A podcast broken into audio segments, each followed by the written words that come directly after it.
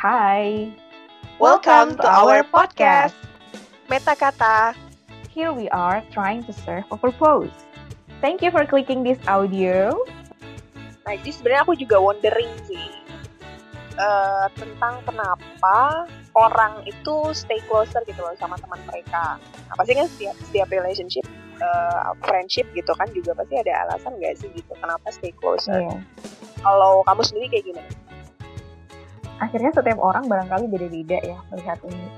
Eh, setiap orang barangkali akan selalu punya alasan tersendiri kenapa dia memutuskan untuk tetap stay em, di samping orang yang lain gitu. Hmm. Tapi kalau misalnya ngomong terkait dengan especially uh, my friendship with Sarah gitu, uh, why why do I decide to stay closer with her? Uh, ada beberapa alasan sebenarnya. Tapi salah satu yang kemudian itu aku pikir paling mendominasi adalah uh, pertama terkait dengan karakteristik dan juga value yang kami share sih. So, Hmm. aku menemukan how do you say that comfortable feeling Hmm, iya, iya. when I am with her. Dan ya setiap orang kan pasti searching for this kind of thing ya. Kalau misalnya Hmm. gak nyaman ngapain gitu untuk bertahan ya kan. Iya, Nah, iya, iya, iya. Itu mungkin sesuatu yang sangat emosional dan dan kadang-kadang bahkan sulit untuk mencari alasan kenapa. Emang kenapa comfortable? Kenapa ya? Mungkin ada Hmm, alasan hmm. rasional tapi juga somehow itu adalah emotional feeling yang kayak Iya. naturally terjadi gitu. Nah, Benar, yang benar, kedua hmm, berhubungan dengan tadi yang kedua aku sebutin apa sih? Kok lupa? Jadi comfortable feeling, eh karakter sama value ya. Jadi Iya. kita kayak kemarin udah sempat sebutin juga ya listener kalau misalnya value itu uh, utamanya kayak bukan exactly same value tapi maksudnya kita share the same apa ya kayak standar gitu. Jadi kayak ada semacam standar standar yang kemudian buat kita tuh menjadi boundaries dalam uh, kehidupan gitu. Kayak aku mentoleransi hal ini gitu kan orang lain mungkin tidak. Jadi kami aku ngerasa kami share the same value. Nggak literally same dalam semua hal tapi per- pada perkara-perkara yang kecil sih sebenarnya. Kayak terkait jadi kayak ada standar-standar yang kita berdua tuh sepakati yang aku feel the same Sarah juga feel the same gitu. Dan akhirnya ya kita end up dengan sering share our thoughts together kemudian discussing. Even kayak eh, fenomena-fenomena kecil itu bisa kita diskusikan sampai panjang lebar gitu. Nah jadi itu barangkali dua alasan paling ultimate gitu yang kemudian eh, akhirnya membuat aku tetap stay di samping salah satu alasan yang tidak kalah penting juga eh, itu adalah aku ngerasa aku growing up gitu. When I Hmm. am with her. Karena aku bukan tipikal orang yang suka apa ya maksudnya I personally consider myself bukan tipikal orang yang pandai menjalin hubungan especially jarak jauh. Aku Hmm. tidak aku tidak sering menginitiate suatu komunikasi. Dan bukan karena I do that on purpose tapi emang I don't know gimana menjelaskan tapi aku nggak pandai melakukan itu so meet Sarah gitu kan itu aku ngerasa dia kayak klik gitu kan karena dia adalah tipikal orang yang sangat ringan eh, di dalam melakukan hal ini. Kayak dia tuh pandai banget nge-approach orang pandai banget untuk nge-trigger orang do something gitu. Nah, kalau aku sih ya mungkin relatif lebih stabil ya, relatif lebih stabil. Walaupun sebenarnya aku juga sometimes tuh ada juga hal-hal yang sebenarnya pengen aku share dan itu akan lebih bagus tuh kalau diinteraksiin langsung gitu sama orangnya kayak gitu.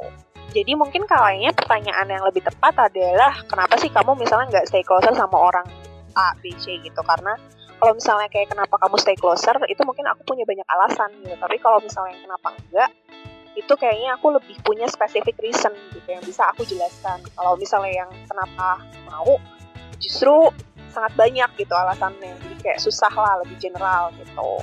Nah, eh dan ya satu hal sih sebenarnya kalau yang aku notice ya intinya seperti yang aku bilang maksudnya kayak perasaan nyaman gitu kan. Itu kan memang perasaan yang nggak bisa dirasionalin juga ya karena kan itu mainannya tuh ya emosional gitu loh. Jadi kalau misalnya kita emang udah ngerasa nyaman walaupun itu terbentuknya per awalnya adalah dari sesuatu yang logis gitu dan muncul secara alami dan bisa dijelaskan secara ilmiah gitu tapi pada dasarnya sebenarnya itu bukan sesuatu yang uh, bener-bener uh, bisa dijelasinnya tuh pakai rasionalitas gitu.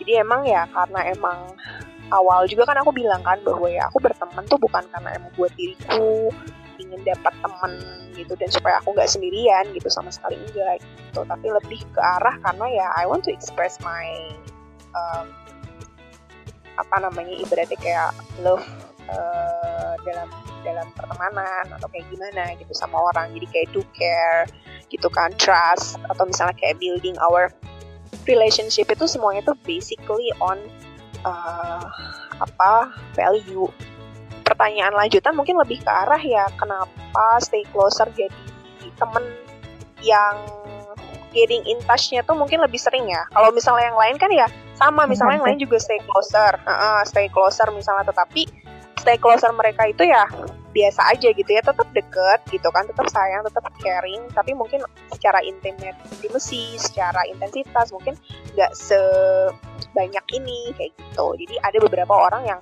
memang aku juga secara intimacy dan intensitas ya ada beberapa orang yang beda-beda gitu pada akhirnya gitu. Nah mungkin hmm. kenapa aku mau ya karena memang intinya gini sih kalau kalau kita berteman itu kan temen yang ya kalau kalau kita punya teman salah satu kenapa kita mendefine teman kita itu baik atau enggak itu kan kalau dia tuh bisa menjadi kita menjadikan kita orang yang lebih baik juga kan. Maksudnya kita kayak tertrigger untuk jadi orang lebih baik gitu kan. We can encourage each other together kayak gitu. Terus kita misalnya bisa hmm. belajar hal yang baru bersama gitu. Dan gak mesti belajar hal yang baru itu dari good experience gitu loh.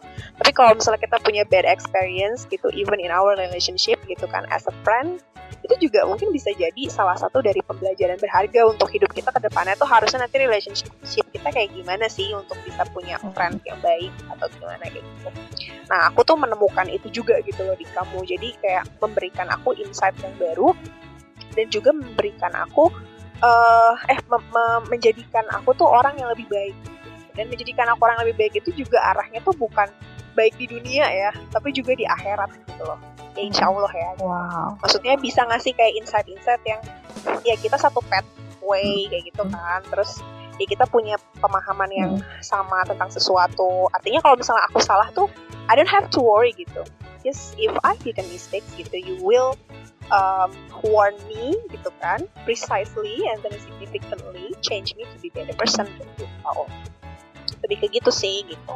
Nah cuman kalau misalnya kenapa yeah. aku nggak mau orang-orang jadi uh, misalnya kayak kenapa kamu nggak mau sih stay closer sama dia jadi friend kamu gitu ya? Mungkin mereka dia jadi friend tapi friend yang biasa aja gitu loh beb karena uh, ya aku punya alasan kenapa ngedetach oh, orang itu ibaratnya gitulah ngedetach orang itu tuh karena misalnya oh ya dia impactnya nggak baik nih buat akunya gitu. Aku jadi jadinya malah lebih jauh sama Tuhan kayak gitu kan. Terus juga aku jadi orang yang selalu negatif thinking. Hmm. ada gak sih kayak kamu ketemu orang terus yang orang itu tuh kayak kalau kamu ketemu tuh kayak entah kenapa ya setelahnya tuh kayak lelah gitu loh.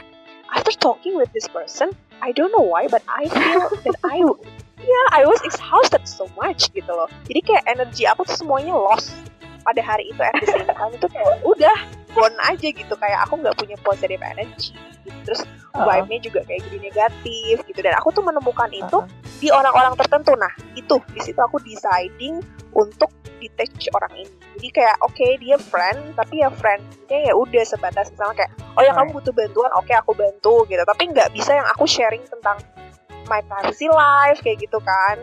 Karena aku udah tahu nih orang kok kayak tipenya kayak gini ya pemikirannya gitu loh. Dan itu jadi bikin aku tambah jadi orang yang buruk kayak gitu.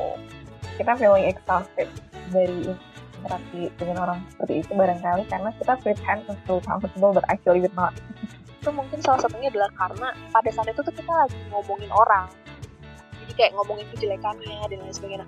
Sementara okay. aku tuh nggak suka. Yeah aku tuh nggak suka banget karena itu tuh nggak ada faedah gitulah di balik itu ya. Kalau kamu memang nggak suka sama orang itu ya kamu ngomong langsung lah sama orangnya gitu kan.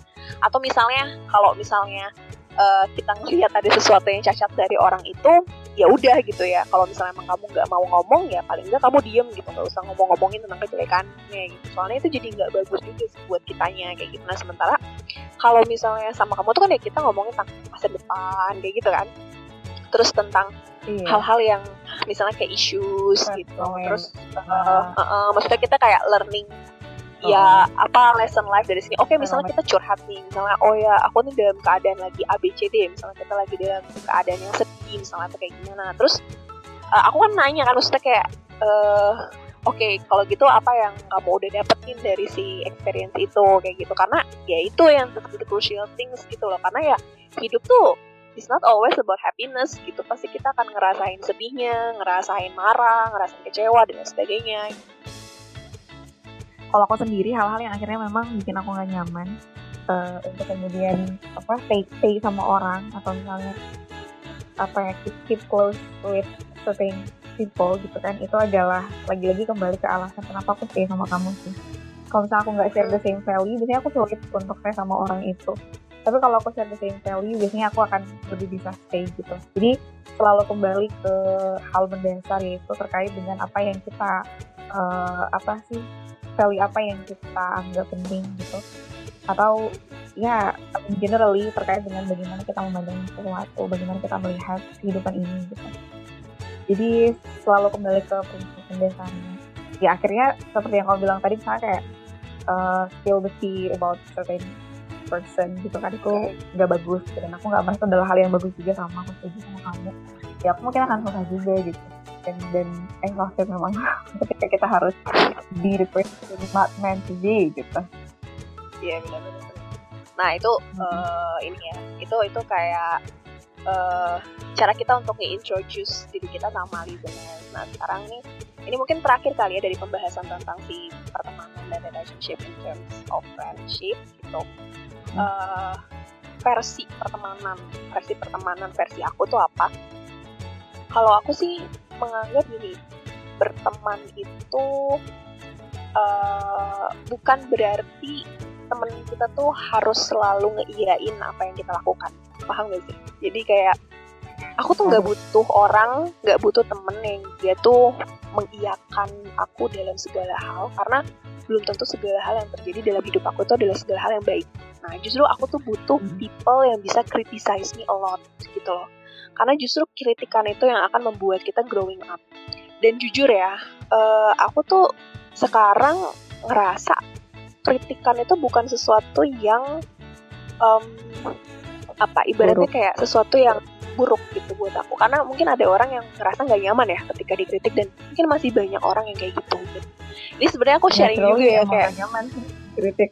Iya benar benar naturalnya emang nggak nyaman nggak nyaman tapi uh, kemarin tuh kan aku sempat nonton ini ya uh, videonya mau di Ayunda tentang my hmm. Stanford graduation gitu kan dia ngerasa dia udah ada di titik yang uh, giving and receiving apa tuh namanya? Feedback itu bukan sesuatu yang jadi uh, sesuatu yang menakutkan lagi dalam hidupnya gitu. Jadi dia udah ngerasa enjoy aja ketika dikritik sama orang dan dia ngerasa kritikan tuh bawa benefit yang luar biasa banget gitu buat hidup kita kayak gitu lah ibaratnya. Nah dan itu kayak aku juga refleksi gitu dari, dari diri aku tuh bahwa aku juga ngerasa oh iya ya aku ngerasa kayaknya emang aku pun juga sama gitu loh hmm. uh, dan kayaknya bukan sekarang sih tapi udah beberapa tahun belakangan ini tuh kayaknya semenjak empat tahun belakangan sih ya kayaknya itu kritikan tuh bukan jadi sesuatu yang aku sedihin gitu loh hmm. jadi pada dasarnya aku pengen belajar gitu untuk jadi lebih baik dan justru ketika orang criticize me a lot itu jatuhnya emang pasti pasti pada saat awal sih oh aku kayak gitu ya misalnya aku ngelakuin sesuatu yang gak seharusnya aku lakuin dan sebagainya itu pasti ada perasaan bersalah atau perasaan kayak ngebenci diri sendiri kayak gitu kan tapi kalau misalnya karena ketika kita dikritik ya pasti orang sayang kan sama kita. Ya ada dua sih orang sayang atau orang julid ya sama kita. Tapi kalau misalnya dia ngekritiknya tuh langsung yeah, yeah. maksudnya kayak langsung ke kita kayak kayak dia langsung ngomong ke kita gitu berarti tandanya dia sayang. Tapi kalau misalnya dia cuma ngejulitin lewat orang lain misalnya gitu terus kita tahu kita denger oh ya berarti dia emang cuma pengen julid ya udah sih gitu kan. Karena kita nggak yeah. bisa ngekontrol kan. Just focus on something that we can control gitu Nah itu pertemanan versi aku ya. Jadi kayak aku nganggep uh, ya aku nggak butuh sih temen yang dia uh, ada tuh saat kita bahagia doang. Tapi juga dia bisa ada saat kita lagi sedih, saat kita lagi kecewa, kayak gitu kan. Dia bukan berarti dia harus selalu ada ya, enggak ya. Tapi maksudnya ketika kita keep in touch di satu momen yang kita ada di momen itu secara bersamaan gitu, dia bisa kasih banyak feedback sama kita gitu. Dan feedback itu uh, membuat kita tuh jauh lebih baik gitu gitu sih. Jadi itu pertemanan yang okay. aku inginkan dan aku sebenarnya juga ya merasa kalau ya udah sih kalau misalnya nanti di depan juga ada ya pasti banyak lah ya orang-orang yang baru gitu kan mau berteman gitu. Ya pasti kita akan open kan gitu untuk untuk berteman sama mereka. Tapi ya pertemanan dalam versi aku adalah ketika uh, mereka mau gitu ya untuk hadir uh, di ruang yang aku juga lagi sedih misalnya gitu kan. Dan juga mereka mau ngekritik aku dan mereka juga mau menerima kritikan gitu loh karena based on the same value kan as you told Biar fair to gitu us ya. gitu. biar fair gitu maksudnya kayak ya iyalah gitu pasti kayak relationship kan itu is about each other kan gitu saling gitu kan Iya, Uh, aku sebenarnya sepakat sih sama beberapa poin yang kamu sampaikan tadi soal dream friend relationship. Uh, ada ada satu hal sih yang aku aku pengen tambahin. Secara general, aku sepakat. I mean, I do feel the same thing, the way you think. Uh, aku juga merasa bahwa uh, ketika kita menjalani sebuah hubungan gitu kan, entah itu dalam pertemanan bahkan menurutku keluarga pasangan juga ini berlaku. At least me. Iya. Um, kita selalu menginginkan gitu kan uh, dan again at least me aku menginginkan bahwa orang yang kemudian decide to be with me itu adalah orang yang kemudian dia udah tahu bahwa aku punya flaws aku punya kekurangan gitu I mean wow Mhm. nobody's perfect tapi Mm-mm. dengan dengan semua itu dia still decide to be with me gitu maksudnya kita ah, I tahu see. bahwa orang tuh pasti punya kekurangan gitu kan tapi Iya. kita menerima gitu kayak kita menerima kelebihan dia as well as also kekurangan dia gitu nah itu sih Iya. aku ngerasa aku memimpikan dan well Hmm. I do get it now dan aku berharap semoga Allah mungkin memberikan itu kepada aku gitu jadi already know my flaws but still decide to be with me dulu Mhm. ketika apa kayaknya SMA deh cara aku melihat pertemanan itu adalah temen tuh adalah seseorang yang selalu ada di saat kamu sedih Mhm. Eh, tapi ternyata makin ke sini nggak harus selalu seperti itu gitu kan. I mean, tadi kamu misalnya bilang eh, salah satu implikasi pertemanan kita adalah kita jadi ngerasa bisa saling ngingetin salah satunya adalah terkait dengan hubungan kita sama Allah gitu kan. Nah itu jadi kayak misalnya aku believe gitu. I mean I discuss a lot of things with you and then you told me that ya sebenarnya yang paling penting adalah menjaga hubungan kamu sama Allah gitu kan. Eh, sama Mhm. Tuhan gitu. Eh, karena pada akhirnya manusia itu memang tidak punya kapasitas untuk selalu present di saat kamu membutuhkan dia gitu dan sering kali kan memang manusia kayak bikin kecewa gitu ya nah jadi em, akhirnya aku jadi ngerasa bahwa pertemanan itu tidak selalu atau tidak melulu berhubungan dengan seseorang itu akan selalu di saat kamu sedih. Oke fine barangkali in some condition dia bisa tapi ada condition lain yang itu mungkin nggak bisa gitu. Dan kita harus Hmm. bisa untuk apa ya harus bisa untuk menerima gitu bahwa tidak selalu manusia itu bisa Iya. hadir dalam di, di, di kondisi kita lagi sedih gitu. Kadang mungkin nah di sini juga akhirnya penting ada yang namanya kalau aku eh ingat kamu pernah kemarin cerita soal assertive communication. Which is itu adalah hal yang dibutuhkan banget dalam setiap hubungan gitu kan. Jadi being assertive is really important. Karena orang bukan sesuatu apa ya maksudnya kita nggak menggunakan komunikasi telepati. Kita nggak bisa tahu orang state-nya kayak gimana. Kalau misalnya kita nggak Yeah. mengkomunikasikan itu ya kan. Jadi understanding itu akhirnya bisa di gain bisa didapat dari komunikasi gitu. So sekarang aku jadi berpikir bahwa eh, ketika aku pengen sustain sama orang gitu jadi aku harus keep the communication better. Kayak aku belajar dari Sarah gitu kan. Karena aku merasa dia adalah tipikal orang yang pandai menjalin hubungan itu jarak jauh jadi kita kan bisa understand gitu kan dan, dan tadi gitu kan masing-masing dari kita mempelajari misalnya kayak kamu ada di state tertentu nih gitu kan kamu misalnya lagi Hmm. unstable gitu aku harus ngerti aku Yeah. bisa maksa kamu untuk selalu stable aku juga Hmm. dalam kondisi kadang-kadang nggak stabil gitu kan dan kamu juga berusaha paham gitu. Yeah. I mean ya lagi-lagi berhubungan sama poin pertama sih I mean there's, there's flaws ada ada uh, kekurangan ada ada kondisi yang Yeah. tidak stabil gitu tapi all we do is just trying our best to keep engaged gitu kan Uh, Hmm. untuk selalu bisa saling memahami sih. Jadi kayak aku ngerasa komunikasi bisa help us to gain a better Yeah. understanding each other gitu. Itu sih. Jadi aku berharap sebuah kom- apa, sebuah pertemanan yang di dalamnya itu terbangun komunikasi yang baik. Gitu. Oh iya ini sama satu lagi nih aku mau nambahin tentang emotional attachment ya in relationship. Jadi kayak Oh, hal iya. yang aku pelajari. Maksudnya kayak eh, emang kita kalau sayang sama manusia itu ya sebutuhnya aja, secukupnya aja gitu loh. Jadi kayak kalau misalnya dibilang ya sayang nggak sayang gitu kan. Tapi ya secukupnya sebutuhnya bukan berarti kita tuh harus kemudian eh, ngelakuin apa pun gitu kan ya untuk melindungi orang yang kita sayangin dia lakukan ketika itu memang measurable gitu loh to do jadi nggak yeah. usah maksain jangan sampai irrational gitu kamu, ya iya jangan sampai irrational gitu even misalnya kamu lagi dalam keadaan bahaya uh, jangan kemudian kita juga malah terlarut untuk um, ya maksudnya kita kita empati sama dia tapi nggak yeah. berarti kemudian kita terlarut untuk nyelesain masalah itu um, seolah-olah kita tuh ada di samping dia gitu tapi ya udah yeah, kalau gitu sekarang apa yang bisa aku bantu di tempatku saat ini? Karena nggak measure gitu. Maksudnya nggak mm -hmm. measurable untuk aku ke sana misalnya. Oke kalau gitu mm -hmm. sekarang kamu gini gini gini gini gini gini gini gini gitu kan. Kita laku, lakuin apa yang bisa kita lakuin dan suggest uh, something that we suggest gitu. Jadi nggak usah kemudian sampai se segimana banget. Karena banyak banget loh orang-orang yang mereka tuh secara nggak sadar jadi apa emotional attachmentnya tuh jadi nggak sehat gitu loh paham gak sih? Jadi iya, jadi gak one sehat, day uh, jadi nah malah depending. Nah ini yang aku pelajari ya bahwa relationship yang baik itu nggak -hmm. membuat kita tuh depending sama manusia. Paham gak sih?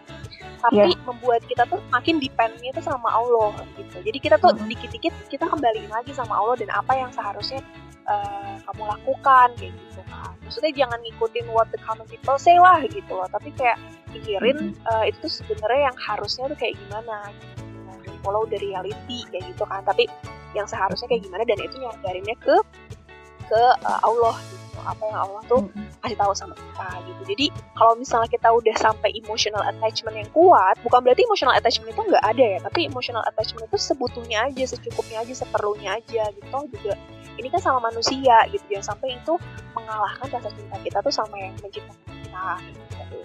jadi uh, intinya uh, seperlunya uh, dan secukupnya gitu ya. Terus juga uh, kalau misalnya kita udah ngerasa bahwa kita sampai depending banget nih sama orang ini sampai misalnya kita depresi kalau orang ini pergi dari hidup kita gitu itu berarti udah toxic sih.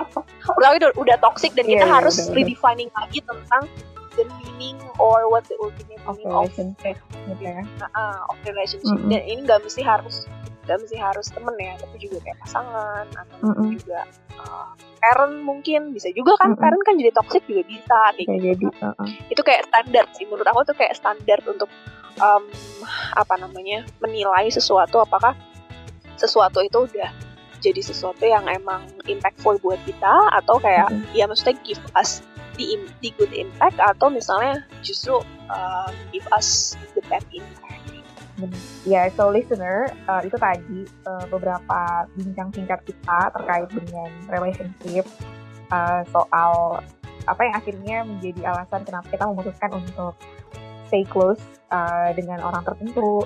Kemudian ya termasuk apa implikasi-implikasi yang kita dapat dari berteman dengan orang tertentu gitu. Dan kita juga tadi barusan ngobrol terkait dengan apa sih dream friend relationship yang kita masing-masing harapin gitu dan ketika kita kemudian menemukan ini pada seseorang well my advice to you you have to keep that one in your life Oke, okay, so itu teman-teman untuk podcast edisi kali ini. Thank you banget udah mendengarin kita. Semoga kalian bisa gain understanding, value, dan perspektif dari apa yang udah kita bicarakan. Ya, ke depannya nanti kita akan kembali lagi ke ruang dengar listener semua dengan topik-topik yang berbeda dan tidak kalah menarik. So tetap keep listening ya di podcast Meta Kata. And we'll see you again later. Bye.